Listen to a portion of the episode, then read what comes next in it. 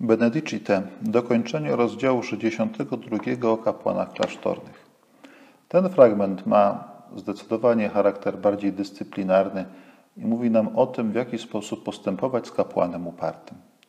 Święty Benedykt dopuszcza nawet możliwość wypędzania go z klasztoru, stawia jednak warunek do podjęcia takiej decyzji, że ma być zacięty w uporze i nie chce podporządkować się ani okazać posłuszeństwa regule.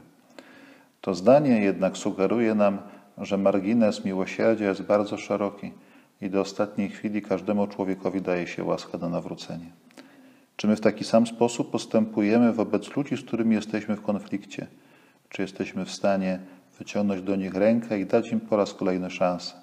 Ale i z drugiej strony, czy doceniamy łagodność innych ludzi i czy jesteśmy w stanie docenić cierpliwość, którą oni nam okazują? A zatem doceniajmy i okazujmy, aby we wszystkim Bóg był uwielbiony.